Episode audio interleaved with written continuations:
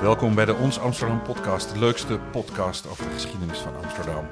Al bijna 75 jaar schrijven wij in het tijdschrift Ons Amsterdam over de geschiedenis van de stad in geuren en kleuren. En nu gaan we er ook over praten. Dat vinden wij leuk, want er zit aan die verhalen van ons altijd nog veel meer vast dan dat we in de pagina's van de tijdschrift of op de website kwijt kunnen. En vandaag praten we met Tessel Dekker, medewerkster van het onvolprezen stadsarchief in Amsterdam, maar ook oud-medewerkster van ons Amsterdam, van het tijdschrift. Um, ze schreven al eens over de merkwaardige geschiedenis van een vrouwenverkleedpartij Spiegelhistoriaal in het Stedelijk Museum, eh, georganiseerd door de Internationale Wereldbond voor Vrouwenbelangen en Gelijk Staatsburgerschap in de jaren 30.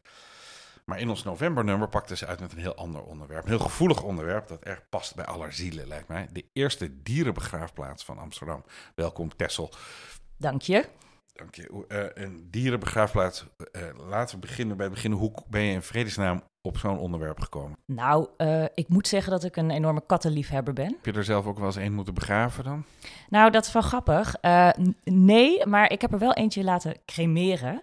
En dat is wel leuk, want die is dan gecremeerd in... Of nou, het was helemaal niet leuk, het was hartverscheurend. Maar die is gecremeerd in IJmuiden en dan uitgestrooid over de Noordzee. Jongen. Dat is mooi, toch? Een kat in het water, dat zal ze leuk gevonden hebben. Want eh, als je de eh, berichten over dieren in Amsterdam volgt, dan blijkt dat mensen soms enorme bedragen uitgeven aan het welzijn van hun dieren. De, de, de, de, geneeskunde voor mensen is vrij goed geregeld als het over prijzen gaat, maar voor dieren niet. Dierenartsen kunnen de meest absurde uh, bedragen vragen voor operaties. Uh, ben jij ook zo'n kattenliefhebber? Ga jij ook 1800 euro uitgeven aan een operatie? Nou, het kostte wel wat om uh, die kat te cremeren, inderdaad. En uh, het was alles, het was het helemaal waard hoor. We hebben zelfs een uh, pootafdrukje gekregen in gips. Dus ja, ik, ik kan me geheel voorstellen dat mensen bereid zijn om heel veel geld uit te geven aan katten. Dus nou, als we zeggen als historica, is zo'n onderwerp natuurlijk prachtig als een soort mentaliteitsgeschiedenis. Hè? Dat natuurlijk een verandering is hoe mensen met huisdieren omgaan. Dat ze huisdieren hadden. Ja, uh, nou ja, volgens mij kan je de huisdieren echt wel terugvoeren op de oude Egyptenaren. Maar de echte moderne huisdier, die echt een metgezel is, echt een onderdeel van een familie, dat zie je toch wel echt in de 19e eeuw veranderen. Uh, ja, en dat zie je overal en ook in Amsterdam. Ja, want wanneer, wanneer komt de kat naar binnen, om het zo te zeggen? Want je hebt natuurlijk in, weet ik van Amsterdam, katten die in de buurt rond het huis rondhangen om muizen te vangen, ratten te vangen. Maar wanneer, wanneer komen de katten op schoot? Volgens mij is dat echt pas in de tweede helft van de 19e eeuw. Dat katten, de, de kat is ook weer net een ander verhaal dan de honden, want die hadden natuurlijk ook weer een, uh, um, ja, voor de adel weer een andere hè, geschiedenis met de jacht verbonden. En de katten net wat anders, maar eind 19e eeuw komen ze wel op. En je ziet ze ook terug op die schilderijen hè, van Henriette Ronner Knip. Ja. Um, maar je ziet ook de kattententoonstelling opkomen. De raskat als fenomeen, hè, dat, dat je doorfokt op allerlei kenmerken. Um, dat komt echt in de 19e eeuw op. Ja, right. Nou, laten we eens even naar het torentje dan. Want waar begint het verhaal van deze begraafplaats? In um, 1899? Ja, dan moeten we inderdaad terug uh, vlak voor de eeuwwisseling, uh, 1899. En bij een zekere Gerard van Lom. Uh, die woonde daar de Amstelveense weg. Dus uh, dat was toen echt nog uh, buiten de stad. Het was echt landerijen en industrietjes. En die had daar een stuk grond. Um, en in 1896 opende hij daar een kennel voor honden. honden, en vooral van de bovenlaag van de Amsterdamse bewoners, die konden daar verblijven. Um, maar je kon daar ook training volgen. Je had daar zelfs uh, zwembaden waar honden konden leren zwemmen. En uh, ja, je had daar eigenlijk van alles wat eigenlijk ja, je nu vandaag de dag nog steeds misschien in Oud-Zuid zou kunnen plaatsen voor, voor hele speciale rashonden. En weet je of hij de eerste was die dat deed? De eerste die zo voor dieren ging zorgen? Nou, ik denk in Amsterdam vermoed ik eigenlijk wel dat dit de eerste was. En um, dat hij ook heel lang bekend stond van als je een hond had en je wilde dat er goed voor werd gezorgd als je op vakantie ging, dan wist iedereen wel dat je bij Kennel het torentje moest ja, uh, aankloppen. Waar, waar, zat het precies, denk je? Het zat um, iets, uh, dus eigenlijk iets, als je vanaf het Vondelpark iets verder de Amstelveense weg afdaalt, um, dan zo onder um, het, bij het, uh, eigenlijk nog net voor het Olympia Olympisch Ja, ja bij de Olympia Kade, zo tussen de kade en het plein, ongeveer ja. daar. Ja, ja, ja, precies. Daar is dus daar is echt over. helemaal niks meer van nee. over, inderdaad. Die uh, familie Lom, Eh, weet je daar nog iets meer van? Van Lom. Nou, ehm, het is wel grappig. Ik ben inderdaad in die familie gerold. En er is ook best veel over geschreven. Sowieso over het torentje en over de curieuze eigenaren eigenlijk. Nou, dat wekte heel veel uh, interesse van uh, kranten, maar ook geïllustreerde tijdschriften die daar langskwamen om heel veel kiekjes te maken van die, van die curieuze dierenbegraafplaats. En Van Lom, ja, het is een, een naam die niet heel erg veel voorkomt. Dus ik dacht, ik ga eens eventjes op Facebook een paar lijntjes uitgooien. Een paar van Loms aanschrijven. En uh, van, van een aantal hoorde ik niks. Maar op een gegeven moment had ik raak. Dus dat was wel heel komisch dat ik echt... Uh, en die, diegene die wist ook wel wat uh, van via zijn vader. Van, oh ja, ja, inderdaad, het klopt. We hadden inderdaad... Dus dit was een directe nazaat van, van Lom? Ja, ik geloof niet helemaal direct, maar via een oom of zo. dus, dus inderdaad gelieerd daaraan. En het verhaal was wel bekend. Ja, want luisteraars, u, ja, u luistert nu naar een podcast, maar in het blad staan nog hele aardige foto's van die hele vroege periode, waarbij Van Lom met een pony en uh, allerlei andere beesten op dat, ja, wat bedoelingje, die boerderijen uh, in bedrijf is. Ja, het moet echt een dierenliefhebber zijn geweest. Uh, dat, dat merk je aan alles. Hij deed ook mee aan allerlei wedstrijden hè, van, van de beste leghoenders en konijnen. En hij had op een gegeven moment ook een harddraver. Daarop liet hij elke keer zijn zoon, die ook Gerard van Lom heette, liet hij hard draven. En daar viel hij telkens mee in de prijzen. En tegelijkertijd was hij ook heel. Um, um, deed hij heel veel om het leed van dieren te verzachten. Ah. Dus hij zat ook uh, zijn, op een gegeven moment zijn schoonvader van zijn eerste vrouw, Sink, bekend van het toestel van Sink. Wat hè? is het toestel van Sink? Dat was een soort, ja, soort hijskraan die eigenlijk. Uh, het was ook voor vee, maar vooral voor paarden eigenlijk die te water waren gevallen. En je kan je voorstellen, Hè, met uh, het paard, het, uh, de vele paarden die in Amsterdam te vinden waren, gebeurde dat om de haverklap. Dus die paarden, als die in de gracht eenmaal waren gekomen, dan konden die er worden uitgetakeld met het toestel van ja, ja. Zink. Ja. En daar had hij een schaalmodel van om uh, te tonen op van die hè, de tentoonstellingen, de landbouwtentoonstellingen die er toen werden georganiseerd. En zelf ontwierp hij een vervoersmiddel om die dieren vervolgens te transporteren en dus eigenlijk weer te genezen in plaats van wat veel vaker gebeurde, af te maken. Hè? Ja, want uh, als ik dat zo hoor, dan was de houding van Amsterdammers, Nederlanders, ten opzichte van dieren toch nog vrij praktisch. En er zat weinig liefde aan. Als het, als het niet goed ging met zo'n dier, dan, dan werd hij afgemaakt. En zwerfhonden ja. in Amsterdam werden op, op een hele treurige manier Zeker. Afgemaakt. Ja, ja, die uh, zwerfhonden die werden opgepakt, die werden dan uh, op een bewaarplaats van de gemeente. Uh, en dan als ze geen penning hadden, hè, um, dan was er, werd er drie dagen werden ze daar gehouden. En als er dan niemand kwam om ze op te halen, dan werden ze in een een speciale kar die op een rails afdaalde in het water. Waar ze een verdrinkingsdood tegemoet gingen. Ze werden dus, een soort kooi onder water gehouden. Ja.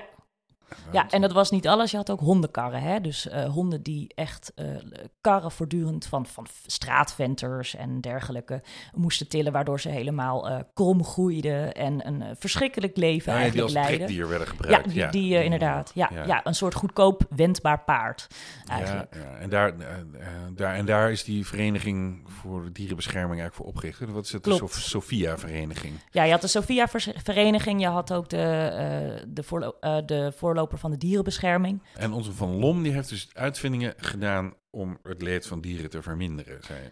Ja, dus uh, naast die, uh, dat ver, die vervoerskar voor uh, paarden, paarden en vee die gewond waren, had hij ook een asfixiatietoestel. Een wat voor toestel? een asfixiatietoestel, dat was eigenlijk nou ja, een, een, een soort voorloper van het vergassingstoestel. Ik geloof dat het nog niet helemaal 100% werkte, maar... Um, Want asfixiatie, uh, dat betekent verstikking. Verstikking, zeg maar, inderdaad. Ja. En dat was dan verstikking door gas. Um, maar hij had ook schietkorven. Uh, dat waren, ja, dat waren uh, dingen die je om de hon honden hun hoofd deed als ze ongeneeslijk ziek waren. En dat dan zelfs uh, met een klein pistooltje, uh, een, zelfs een vrouwenhand, het een einde kon maken aan het leed van oh, haar. Dus je deed, je, ja, dus je deed een soort kooitje of een soort masker om het hoofd van de hond. Ja, ja, precies. En dan kon je precies op de goede plek kon je hem ja neerschieten. Ja, er is ook een foto van gemaakt. En er stond dan als onderschrift van... we hebben ook een foto van toen het leed was geschied... maar dat was te gruwelijk om te plaatsen. Treurigheid. Maar dat was dus allemaal goed bedoeld. Het was wel goed bedoeld, ja, Beter zeker. dan honden verdrinken in, in, in een kooi. Ja, het was want, echt een reactie daarop. Want, want, maar dat dieren begraven, dat begint bij Van Lom ook met een ongeluk, geloof ik. Ja, eigenlijk begon dat in 1899. Ehm, toen ja, een vriend of een kennis van hem, die was uh, uit jagen, hè, nabij Amsterdam en op de Amsterdamse velden. En uh, die schoot per ongeluk zijn uh, jachthond dood, Carmen. En hij was er zo door geraakt. maar ja, wat doe je met een dode hond? Die geef je mee aan de stadsreiniging. Um, en dat kon hij niet verkroppen. Dus wat hij heeft gedaan, hij heeft die van Lom benaderd van... goh, zou ik misschien niet mijn hond kunnen begraven uh, op jouw terrein? Hij had een rijk, een, vrij groot ruim terrein uh, op die Amstelveense weg... en hij had nog wel wat ruimte naast die kennel. Um, en ik, het is wel grappig, ik heb even in Delver gekeken. Echt net een paar weken daarvoor was er een bericht van een uh, Parijs, uh, een Parijse uh, Père Lachaise voor dieren. waar met veel tamtam over werd bericht. want hoe dol waren die Parijzenaren nu weer dat ze honden en katten ah, en papegaaien en apen gingen begraven. Dus, dus hij heeft dat waarschijnlijk net gelezen. Dus Van Lom was, had, het, had het uit de krant. Dus, ik denk het maar jij zegt dat er in het buitenland waren er dus wel al dierenbegraafplaatsen. Weet je daar nog iets meer van? Ja, zoals wel vaker in Amsterdam kwam het natuurlijk niet uit het niks, maar kwam het overwaaien uit de grote steden. Eigenlijk um, zijn al die dierenbegraafplaatsen die zo rond uh, het eind van de 19e eeuw oppoppen in Europese steden, zijn allemaal terug te voeren tot uh, Londen, Hyde Park. Um, 1881, uh, toen er een Engelse familie ja, van een Maltesertje, hun geliefde Cherry, afscheid wilde nemen. En, en die eigenlijk heel graag zouden willen begraven in Hyde Park. En die hebben de opzichter met dat verzoek benaderd en die heeft ingestemd. En dat uh, bericht verspreidde zich als een vuurtje. Dus al gauw uh, ja, stond, er een heel, stond er al heel snel honderden uh, grafzerkjes van honden en af en toe een kat. Ja, ja, in Hyde Park. En is in dat Hyde er nog? Park. Ik geloof dat het er nog wel is. Het is al heel lang niet meer in gebruik. En ik wil er nog, ik wil er zeker een keertje langs als ik in Londen ben. Maar typisch iets uh, wat je in Londen terugvindt. Ja, exact. Het is heel ja. Victoriaans, heel Engels. Ja, ja. ja. Bij, bij Père Lachaise denken we natuurlijk allemaal aan beroemde prijzenaars of wereldberoemde kunstenaars. Maar daar liggen dus ook honden en katten? Nou, niet op Père Lachaise, maar het werd, uh, het, het, het, werd zeg maar op een eilandje na, uh, in, de, in de Seine. Um, en volg, ik geloof dat dat er ook nog is. Dus uh, ik, daar moet ik ook nog een keertje heen. Maar dat, daar werd ook enorm uitbundig uitgepakt. Hè? Weer helemaal op zijn Parijs. Uh, er werd ook een monument voor Bernard. De, volgens mij die, die, die hond. Een, uh, die um, allemaal kinderen uit het water had oh, gered en zo. Sint Bernard, en, ja. ja, die Sint Bernard inderdaad. ja, ja. Hij heette niet Bernard, maar het was een Sint Bernard volgens mij. Oh, het was een Sint Bernard. Oh, hij heette Bernard. Ja. Ik weet even niet meer hoe die heette. Nou ja, goed. Ja, ja ik denk meteen aan zo'n hond met zo'n... Wat is ook weer een vaatje cognac onder zijn, uh, aan zijn riem. Oh, ja, ja, precies. Die dat mensen uit de sneeuw haalden. Ja. maar goed, dat zal hier niet zo geweest zijn. Um, dus je krijgt in Amsterdam in 1899 aan de Amstelveense weg... een plek waar je je hond kan begraven en je kat. Ja. Uh, en dat was dus een nieuwigheid in de stad. Um, uh, en was dat meteen een groot succes? Ja, eigenlijk wel. Want het was eigenlijk de bedoeling uh, want ze dachten, nou, we hebben zoveel plek. Uh, in principe kan iedereen hier voor de eeuwigheid een dierengrafje kopen. Maar dat bleek een beetje optimistisch gedacht te zijn, want het zat eigenlijk al heel snel heel vol. Dus er was enorme behoefte aan. Enorm, ja, dat, dat geloof ik graag. En, uh, en, maar dan moet ik me ook voorstellen dat mensen daar dan marmeren zerken lieten maken. En... Ja, ja, ja? het ging echt heel erg ver. Want uh, nou, in elk geval die eerste grafzerk van die uh, geliefde Carmen, hè, met een heel schrift erop. Uh, voorbeeld van trouw. Um, de hond. De, ja, die was een voorbeeld van. Dat stond op die grafsteen. het was van wit, wit marmer. Het was uitgevoerd met engeltjes erin gebeiteld. Um, oh. En ook als je de foto's ziet van de begraafplaats, dan zie je, ja, je ziet zerken met allemaal emaille plaatjes van foto's van die honden. Um, je ziet allerlei opschriften. Um, en er zijn ook heel veel verhalen van hoe dat dan uh, ging. Hè? Dus echte praalgraven. Er was zelfs een bekende Amsterdammer. Ik heb hem nog niet weten op te sporen. Maar een bekende Amsterdammer die zijn uh, voor zijn Pekinezen uh, zelfs een grafkelder had gegraven. Waar hij dan af en toe heen ging en afdaalde om stil te staan bij zijn ja, Pekinezen. Ja, want je snijdt natuurlijk een om, ik zei net al mentaliteitsgeschiedenis, maar je snijdt inderdaad een mentaliteit aan dat mensen dus kennelijk hun, hun emotionele behoeften voldaan zagen door, door zo'n graf absoluut, te hebben. En, absoluut, ja. Dus niet alleen, niet alleen liefde hadden voor hun huisdier, maar dat ze dan ook na de dood van het huisdier dat nog konden uitleven. Zeker, en er werd ook in die tijd ook al op gereflecteerd. Hè. De makkelijke verklaring wordt dan natuurlijk gegeven voor ja, vrouwen die geen kinderen konden krijgen. Die, die, deden dan, die namen dan heel veel huisdieren en die deden ook alsof het hun kinderen waren. En die moesten natuurlijk begraven worden als ze stierven. Maar het leuke is eigenlijk dat die, die begrafenis-eigenaren ehm, altijd dat hebben weer, weersproken. Die, die, want er zijn ook talloze voorbeelden van mannen die ontzettend verknocht waren aan hun huisdieren. En ik herinner me dat je ook een verhaal schreef over iemand die zijn hond kwam begraven, maar dat was helemaal geen hond. Klopt, ja, ja, inderdaad is er ook een heel bijzonder verhaal van eh, een hond, uh, Lucky. Uh, die werd in 43 begraven. Maar na de Tweede Wereldoorlog kwam de eigenaar van Lecky weer terug, of Lucky. Um, en die zei, nou, zullen we maar weer eens laten lopen? En die haalde uit dat graf een radiotoestel. Ah, hij had zijn radio begraven, ja. zodat de Duitsers hem niet in beslag zouden nemen. Ja. Precies, precies, ja. God, in een hondengraf, wat aardig. Um, en uh, ik ga nog even terug naar dat idee dat, dit, dat je aan de hand van zo'n verhaal over een dierenbegraafplaats toch heel erg veel leert over hoe, zeg maar, de emotionele ontwikkeling van mensen door de eeuwen heen. Waar, wat ze belangrijk vonden en hoe ze dat uiten en dergelijke. Ja, zeker. Ik denk dat um, de relatie met dieren en mensen eigenlijk fundamenteel is veranderd in de 19e eeuw. Had ook weer te maken met uh, Darwin, die de uh, mens en dier gelijkstelde in plaats van dat de mens boven de dier stond. Uh, en eigenlijk in de slipstream zie je dan ook heel veel verenigingen dat die worden opgericht. Bijvoorbeeld de Sophia-vereniging tegen dierenleed, maar ook de dierenbescherming. Je had ook de Bond voor Vegetariërs, dus mensen die bewust geen vlees gingen eten vanwege dierenleed. Um, en je had ook uh, nog de bond tegen vivisectie.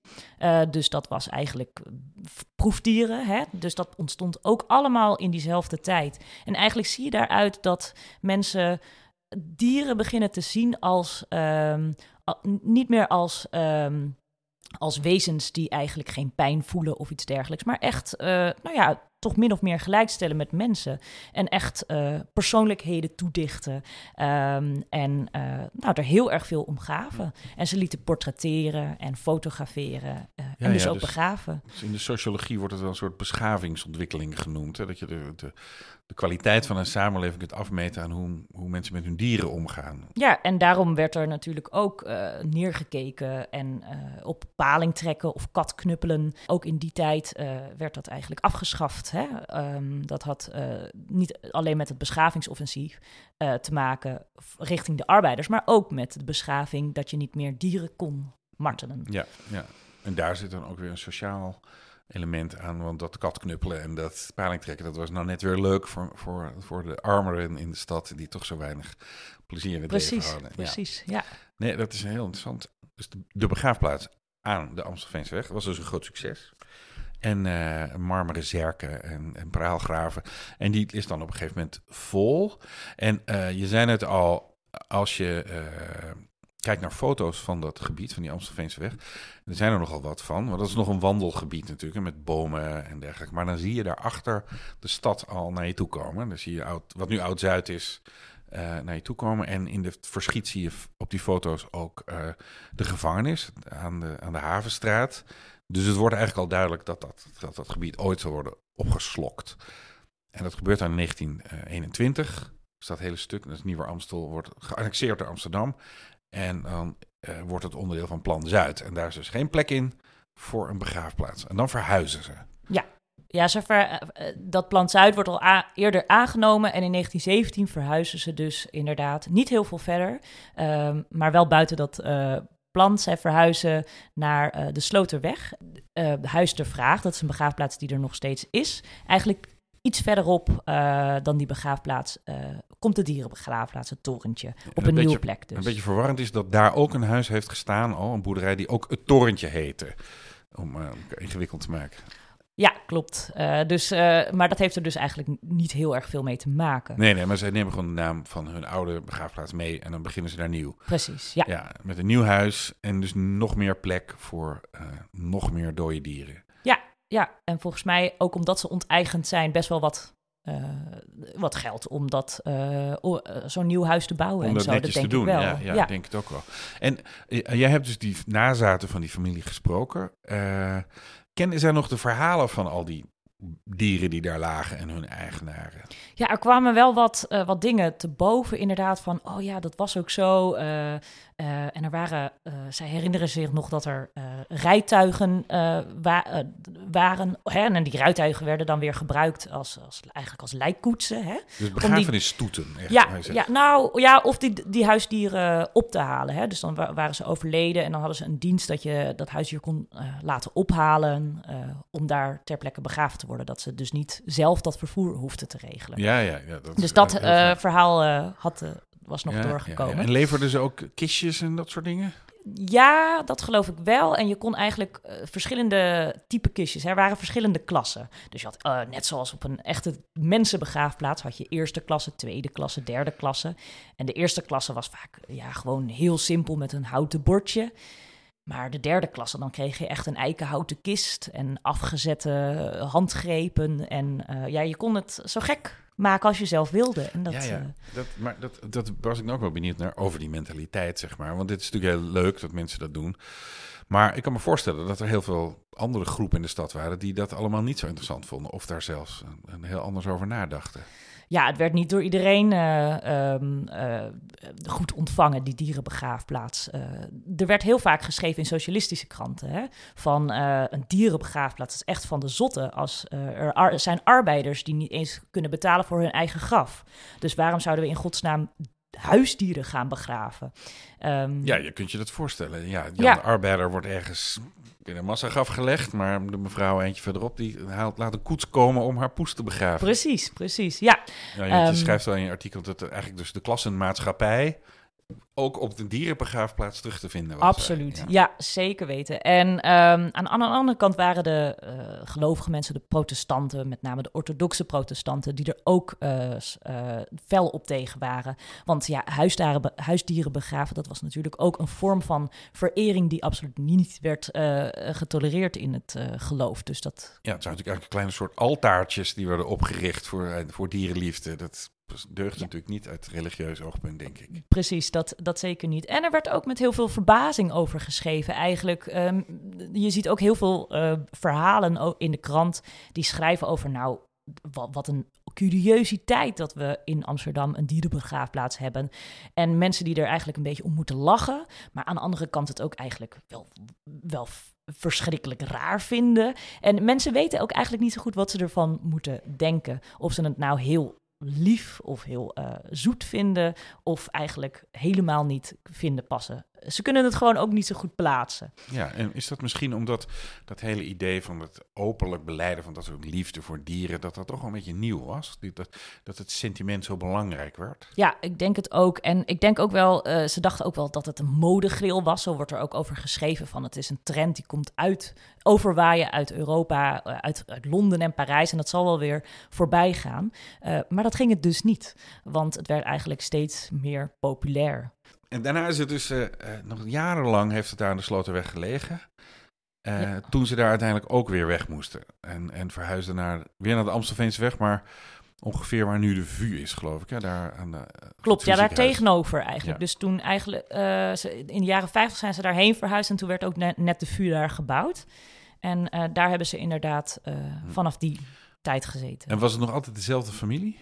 Die Gerard van Lom, die, uh, die laat het over aan zijn uh, zoon Henri. Maar Henri die uh, overlijdt vroeg en vervolgens neemt zijn vrouw Gietje, um, Gietje Houtman, de zaak over. En die bestiert die dierenplaats nou minstens 50 jaar. Ah. Um, in elk geval tot 1969 en daarna vervliegt eigenlijk elk spoor. En ze overlijdt in 82, dus ik vermoed dat ze gewoon nog stilletjes die dierenbegraafplaats heeft voortgezet. Ah, Maar volgens mij, uh, en daarna dat hij een stille dood stierf. Ja, en, uh, maar daarna is het denk ik dierenbegraven toch ook wel een normale verschijnsel geworden en uh, een normale beroep, waar zou ik bijna zeggen. Ja, het wordt nog steeds ook wel gedaan. Volgens mij zijn er nog wel dierenbegraafplaatsen. Het werd ook een tijdje hè, op de Polderweg had je die, dat asiel. Um, de, daar, daar werd er nog begraven, van, vanaf volgens mij de, na de Tweede Wereldoorlog zo'n beetje. En volgens mij kun je nog steeds uh, op verschillende plekken je dieren begraven nog, in Amsterdam, een, uh, toch? Er zit daar een uitspanning op die plek. Poesje had een kater in het Oostergasfabriek. Ja. En rondom het terras zijn oude grafsteentjes. Ja, die heb je daar nog, inderdaad. Ja. aangebracht. Dat is, eh, die zielen zijn er nog altijd. Eh, ja, de botten volgens mij niet meer. Want De die botten waren, niet meer, Die nee. waren, ehm, ja. nee, wij zijn altijd, Amsterdam zijn natuurlijk heel goed met wat er in de bodem zit en wat er dan weer uit moet en dergelijke. Eh, nou, zo zie je maar, Tessel Dekker, dat als je maar ergens rond gaat kijken op de Amstelveense weg, dan kom je plotseling een enorm verhaal over hoe wij zijn en hoe wij met eh, onszelf en onze dieren omgaan. Als je maar diep genoeg graaft. Nou, dat is nog heel, heel toepasselijk gezegd. Dankjewel. Dit was de Ons Amsterdam podcast die ik maakte met René Karsten. De muziek was van eh Sjaak Dauma. Als u dit soort verhalen leuk vindt, dan vindt u ze terug in ons tijdschrift en op onze website. En eh, ja, dan zou u ook een abonnement kunnen nemen op onsamsterdam.nl. Dankjewel Tessel.